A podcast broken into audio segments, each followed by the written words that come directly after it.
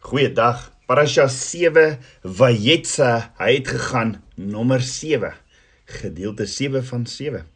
In hierdie week se parasha of gedeelte in die Torah sien ons Jakob trou met twee vrouens en so baie keer sal mense vra, maar is poligamie reg of verkeerd?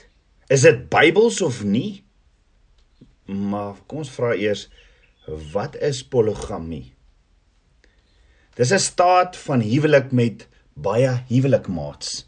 Dis die gebruik om met verskeie eggenote te trou. Dis wanneer 'n man byvoorbeeld op dieselfde tyd met meer as een vrou getroud is, soos in die geval van Jakob wat met Lea en Rachel getroud was. In April 2016 het 'n studiekommissie van die NG Kerk aanbeveel dat poligamie deur die kerk aanvaar moet word. Die NG Kerk se standpunt stem grootendeels met die van is, is Islam ooreen, naamlik dat poligamie nie verplig is nie, maar 'n keuse is wat uitgeoefen word. Die voorsitter van die studiekommissie het gesê 'n mens kies hoeveel huweliksmaat jy wil hê, nes jy jou geslag kies. As jy as jy 'n man gebore is, kan jy steeds as vrou bestaan, vroue klere dra en 'n vrou of 'n man as huweliksmaat maat neem. En vir die Here is alles cool. Dis wat die voorsitter van die studiekommissie sê. Daar was ook verder gesê deur hierdie voorsitter, die feit dat president Jacob Zuma ook oor meer as een vrou beskik, maak dit mos vir die NG Kerk makliker om poligamie te aanvaar. Hy sê verder: "Immer staan daar in Romeine 13 dat elke mens hom onderwerp aan die magte wat oor hom gestel is, want daar's geen mag behalwe van God nie en die wat daar is is deur God ingestel sodat Hy wat hom teen die mag versit die instelling van God weerstaan en die wat dit weerstaan sal hulle oordeel ontvang. So die vraag is ehm um, wat sê Abba Vader se se woord oor poligamie? Dink daaroor. As poligamie verkeerd was, hoekom gee Abba Vader dan later in Deuteronomium 21 vers 15 tot 17, dan gee hy ook hierdie volgende instruksie: As 'n man twee vroue het, een wat hy liefhet en een wat hy nie liefhet nie, en hulle baar vir hom seun, sowel die geliefde as nie geliefde liefde vrou, en die eersgeborene seun behoort die nie nie geliefde vrou dan mag hy op die dag as hy sy seuns sy besittings laat erwe nie die eersgeboorte reg aan die seun van die geliefde vrou gee tot nadeel van die seuns van die nie geliefde vrou die eersgeborene nie. Maar hy moet die eersgeborene die seun van die nie geliefde vrou erken deur hom 'n dubbele deel te gee van alles wat hy besit want hy is die eersteling van sy krag die eersgeborene is syne Jy sien die feit dat Jakob ook met twee vrouens getrou het, was die werk van die vyand. Onthou Jakob was om die bos gelei om met Lea te trou en uiteindelik is hy met albei Lea en Rachel getroud. Ek meen buiten dat Jakob met twee vrouens getrou het, is daar ook vele meer mans wat baie vrouens gehad het en dis Abba Vader se woord, dis alles na Abba Vader se woord. Abraham het kinders gehad by twee vrouens. Dawid en Salomo het ook vrouens gehad. So wat is Abba Vader se wil oor poligamie? In kort, eerste ding eerste. Wanneer ons die hart van Abba Vader ons Skepper oor die saak probeer ontdek, wat is sy karakter en wat is sy doel en wat is wat is wat is sy hart hieroor? Moet ons sy eerste oorspronklike bedoeling vir man en vrou gaan soek. As jy Abba Vader se eerste bedoeling vind, hoekom hy man en vrou as een geskaap het, dan vind jy jou antwoord. Kan jy onthou wat was Abba Vader se oorspronklike bedoeling in die tuin van Eden met man en vrou? Het Abba Vader in die tuin van Eden vir Adam 2 of 3 vrouens geskape? Wel in Genesis 2 vers 18 tot 25 staan ook het die Here God gesê dit is nie goed dat die mens alleen is nie. Ek sal vir hom 'n hulp maak wat by hom pas. En die Here God het uit die aarde geformeer al die diere van die veld en al die voëls van die hemele en hulle na die mens gebring om te sien hoe hulle sou noem. En net soos die mens al die lewende wesens genoem het so moes hulle naam wees. So die mens dan name gegee aan al die vee en al die voëls van die hemel en al die wilde diere van die veld maar vir die mens het hy geen hulp gevind wat by hom pas nie toe die Here God 'n diepe slaap op die mens laat val en terwyl hy slaap, het hy een van sy ribbebene geneem en in die plek daarvan met vlees toegemaak en die Here God bou die rib wat hy van die mens geneem het tot 'n vrou en bring haar na die mens. Toe sê die mens: Dit is nou uiteindelik been van my gebeente en vlees van my vlees. Sy sal manin genoem word want sy is uit die man geneem. Daarom sal die man sy vader en moeder verlaat en sy vrou aankleef en hulle sal een vlees wees. En hulle was albei naak, die mens en sy vrou, maar hulle het hul nie beskaam nie. Hoor gou weer. Daarom sal die man sy vader en moeder verlaat en sy vrou aankleef en hulle sal een vlees wees. Abba Vader sê hulle sal een vlees wees. Abba Vader het nie vir Adam 'n man as lewensmaat gemaak nie. Ook nie vir Eva 'n vrou gegee nie. Abba Vader het ook nie vir Adam twee vrouens of meer gegee nie. Nee, een bruid. Abba Vader wys dit reg deur sy skepping, heen en weer, selfs deur die diereryk. 'n Manlike en 'n vroulike wat voortplant om meer te maak. So dink daaroor. As dit die wil van Abba Vader was dat die man meer as een vrou sou moes hê, sou hy mos die patroon van die begin af anders geskaap het, is dit nie? Van die begin af was dit die perfekte plan van Abba Vader om een man en een vrou saam te voeg om een vlees, om 'n volmaakte eenheid om een egat in Hebreë te wees. Om 'n ander soort fisiese aansluiting te maak soos nog 'n vrou of homoseksualiteit is opsetlike opstand en rebellie van selfverloning teen Abba Vader en 'n verwerping van sy plan om die wêreld te bevolk en te red. Net soos wat die tabernakel wat in Hebreëus genoem word, 'n gedeelte van die tabernakel wat in Hebreëus genoem word 'n hel, die tentgedeelte in twee dele geskei is, die heilige en die allerheiligste, soos daar net plek vir een man en een vrou wat een word in die vlees in die huwelik wat heilig is. Net so die verbondsark ook net twee kliptafels gehad. Net so ook die verbondsark self wat 'n volledige egat persoon verteenwoordig wat bestaan uit twee stukke, die mercy seat, die versoeningsdeksel wat vroulik in Hebreëus is en die verbondsark wat heel toevallig manlik is in die Hebreëus. Jy sien die vrou dra die gawe van barmhartigheid en die man dra die instruksie, die wet, die staf van autoriteit, Aaron se staf en moet ook sy gesin voed met die manna van die hemel. Yeshua sê in Johannes 6 vers 35: Ek is die manna, die brood van die lewe. Wie na my toe kom sal nooit honger kry nie en wie in my glo sal nooit dors kry nie. So die man moet sy gesin van Abba Vader se instruksies van Yeshua, ons verlosser, die brood van die lewe leer en daardie autoriteit in Yeshua opneem as koning, priester en profeet. Die punt is regdeur Abba Vader se woord is sy wil dat man en vrou een moet wees. Daar's nie plek vir ander nie. Jy sien Abba Vader het man en vrou geskape om een te wees en Abba Vader skape nie iets wat nie werk nie. Ja alles wat Abba Vader geskape het was goed. Die woordjie in Hebreëus vir goed is tof wat beteken volgens skepingsdoel.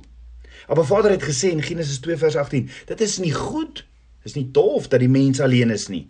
Ek sal vir hom 'n hulp maak wat by hom pas.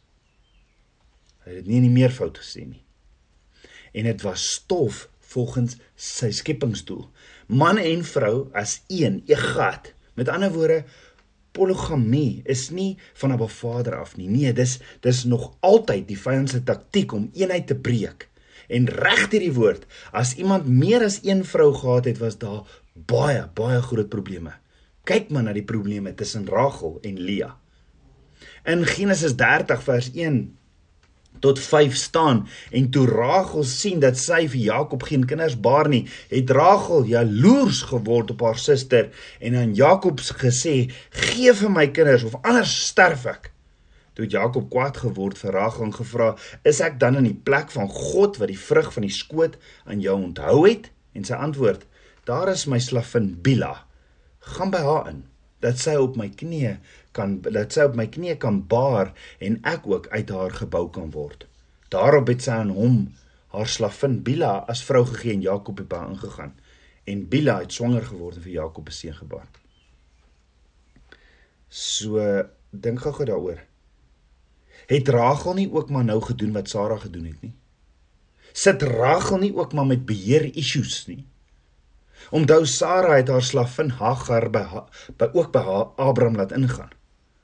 Rachel wou net so Sara so so graag 'n kind gehad het dat sy haar slavin by 'n man laat ingaan en dis net die vader van die leen waarvoor Rachel hier geluister het hoor. Want om Jakob nog 'n sielsband te gee, gaan almal net nog meer ongelukkiger maak. Jy sien die vyand is daarop uit om om om my en jou se kinders van Abba Vader te vermorsel en om ons verhouding met Abba Vader te breek. Want sien met sielsbande kom bind die vyand jou in slawerny en hierdie verbintenis skeer jou hart. Met sielsbande kom bind die vyand jou hart want die vyand se aanslag is hoofsaaklik gefokus op ons harte wat ons gevoelens en ons emosies is om ons verhouding met Abba Vader te verbreek. Daarom is myn jou grootste verantwoordelikheid om ons harte te bewaar want Abba Vader sê in Spreuke 4 vers 23 bewaak jou hart meer as alles wat bewaar moet word want daaruit is die oorsprong van die lewe. Appa Vader sê nie hierso bewaak iemand anders se hart want hy het nou seer of sy het seer by die werk en nou moet jy baie gaan sit nie. Hy sê nee, bewaak jou hart meer as alles wat bewaar moet word. Met ander woorde, hou op om geselsies met die persoon aan te knoop wat jy nie voor jou man of jou vrou sal mee gesels nie. Daai van ja, maar hy is of sy is so alleen en ek ondersteun hulle net hierdeur. Nee, Hou op om WhatsApps te stuur vir iemand wat jy nie sal sal wil hê jou lewensmaat moet sien nie. Al is dit geestelik. Pas op, die vent loop rond soos 'n brullende leeu. Jy sien sielsbande vorm wanneer twee of meer persone saamgesmee of verbind word en dit hoef glad nie seksueel te wees nie. Maar Vader sê in Genesis 4 vers 24: Daarom sal die man sy vader en moeder verlaat en sy vrou aankleef en hulle sal een vlees wees. Nou in Hebreëus is die betekenis van die woord aankleef om twee voorwerpe aan mekaar vas te swys of om iets vas te plak met met superglue. Dink daaroor.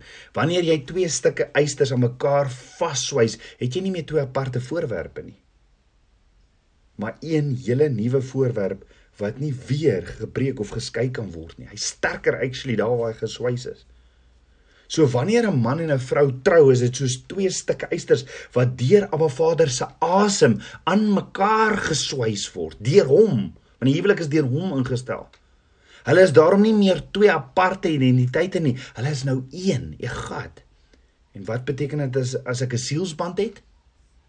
Dit beteken jou sielsfragment met wie jy intiem betrokke geraak het, word nou uiters jaloers aan jou vorige sielsverbintenisse se liefde en aandag. Hierdie sielsband gaan konstant probeer om jou ware geluk en droom wat Abba Vader vir jou lewe het te saboteer.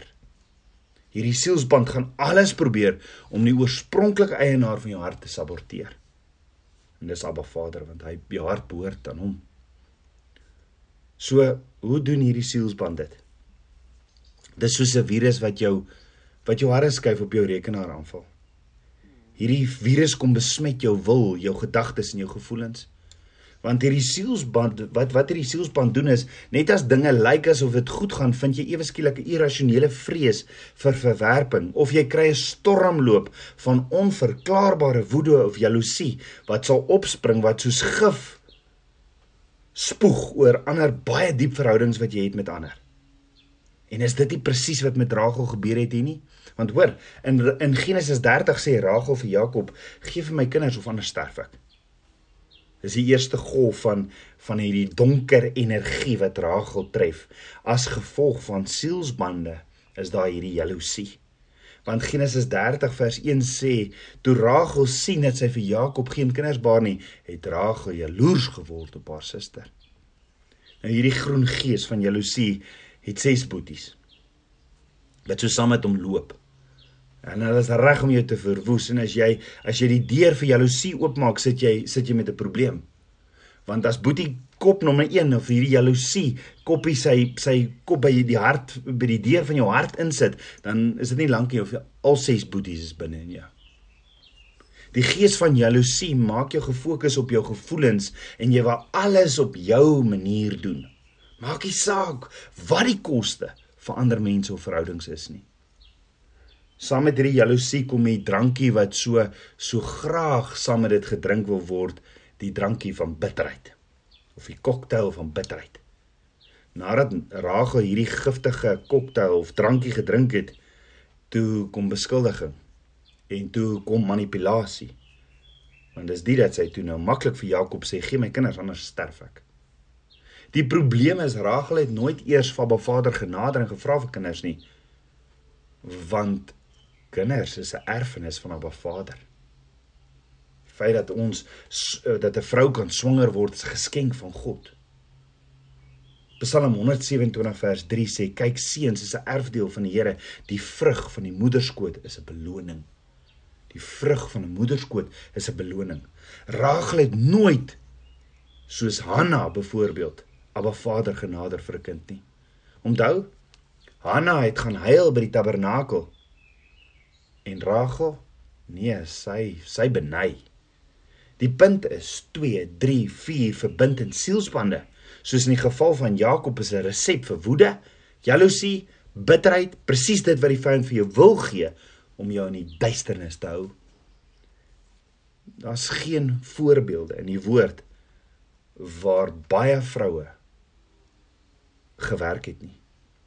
Wat ons wel het is is baie stories van baklei, jaloesie, gekibbel en vloeke as gevolg van vermeerdering van vrouens en die sielspanne wat daarmee saamloop.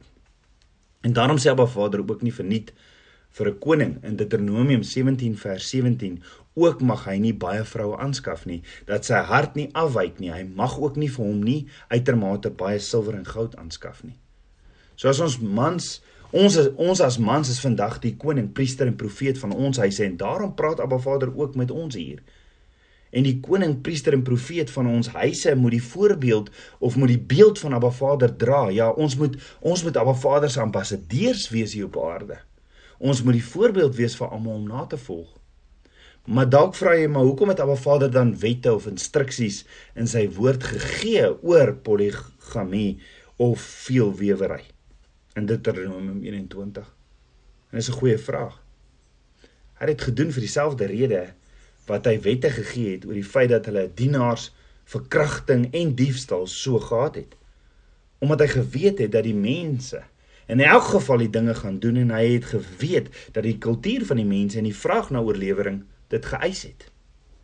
Die enigste rede waarom die kultuur in daardie tyd dit so aan aanvaar het was omdat dit 'n landbougenootskap was en hoe meer kinders jy gehad het, hoe meer grond kon jy op op boer en hoe ryker kon jy geword het. Soveel mans het met verskeie vroue getrou in 'n poging om hulle eie arbeidsmag te skep.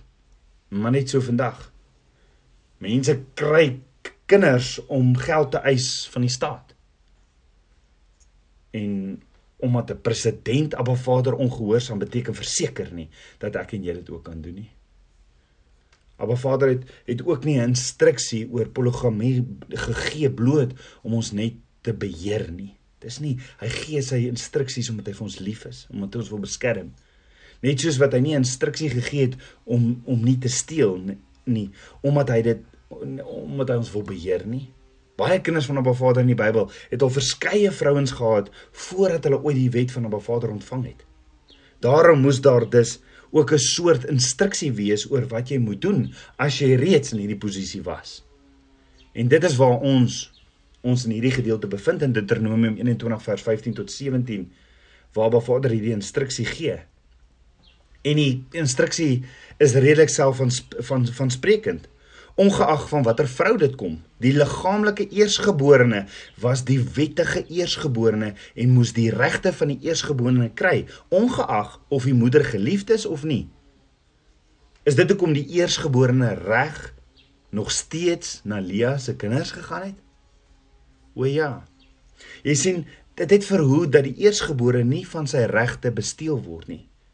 Dit sal nie regverdig wees as die eersgeborene seun nie sy erfenis ontvang nie, net omdat sy moeder nie deur die gunsteling vrou, omdat sy nie die gunsteling vrou was by by die by die pa nie.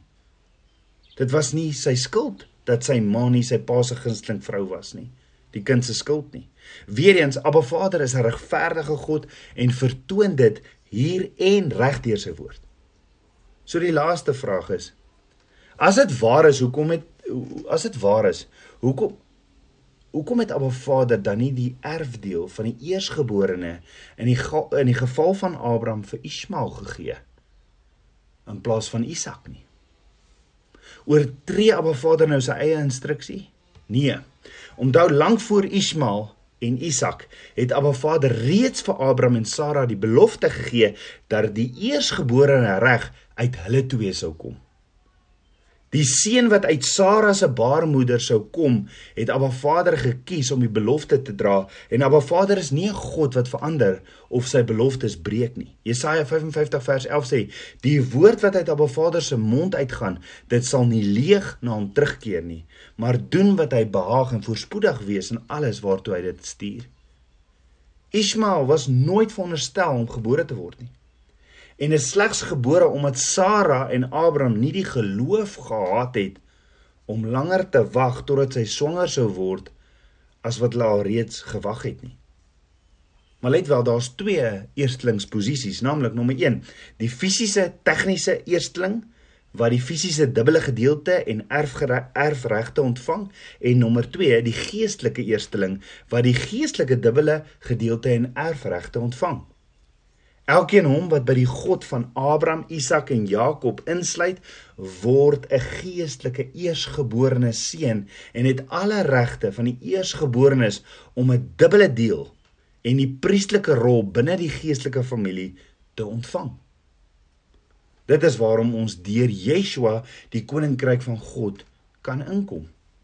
Dis hier waar jy jou vorige ou lewe agterlaat en hom volg, dan word jy outomaties ingeënt in Abba Vader se eersgeborene seun wat ook van jou 'n geestelike eersteling maak en die seun kan ontvang. So, hoe is dit prakties van toepassing vandag op my en jou? Of wat is die tydlose geestelike beginsel agter hierdie instruksie in Deuteronomium 21 vers 15? Die eerste beginsel is dat jy nie meer as een vrou moet hê nie. Die punt van die dubbele gedeelte wat vir die eersgeborene moes gaan, was omdat die oudste heel waarskynlik die mees verantwoordelikste een was om die ekstra erfdeel te ontvang en nie net vir homself nie, maar om om te sien na die hele gesin as pa nie meer daar is nie. Die ekstra gedeelte was daar wat die oudste moes bestuur vir die geval van nood in die familie. As 'n familie lid 'n behoefte gehad het, was dit die eersgeborene wat die ekstra gedeelte gebruik het om daarvoor te kon voorsien.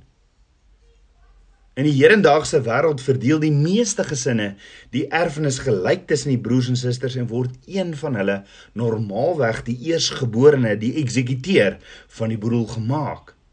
En hanteer dan die sake gedeelte daarvan en neem finale besluite oor sy pa se boedel. Bottom line Wees regverdig in alles wat jy met mense doen. Kies verstandig en sorg dat die gesin wat versorg word, versorg word wat in die meeste gevalle nog die eersgeborene is. Nou ons weet Lea was ook met Jakob getroud. Maar Jakob se ware liefde was Rachel. Onthou hy was om die bos gelei om met Lea te trou en uiteindelik is hy met albei getrou. Maar Jakob se hart was vir Rachel en Lea moes aan die kortste toutjie trek. So was Lea 'n fout. Sy was nie waarlik geliefd gewees nie. En sy het dit geweet. En kan jy vir een oomblik dink hoe dit haar laat voel? Dit was soos 'n diep wond wat sy altyd gedra het. Dit was hierdie onophoudelike hartseer in haar lewe, 'n doring in die hart. Voel jy vandag soos Lia? Ons weet nie hoeveel trane Lia gehuil het nie. Maar ek is seker dit was ongetwyfeld baie. Maar toe gebeur daar iets. Genesis 29 vers 32 tot 35 sê en Lia het bevrug geword en 'n seun gebaar en hom Reuben genoem.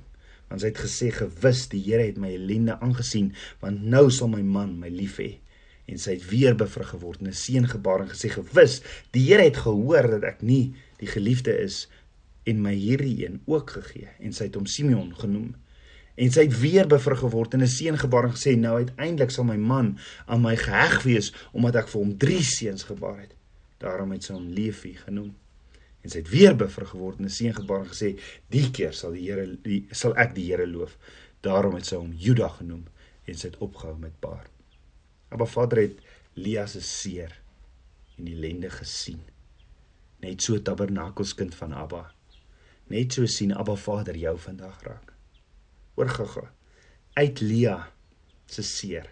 Uit Lia se derde seun Leefie die priesterskap van Israel gekom. En uit Leefie is Moses gebore.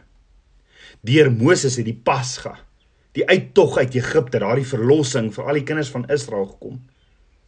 Van Moses het Abba Vader se ketubah, sy huwelikskontrak gekom.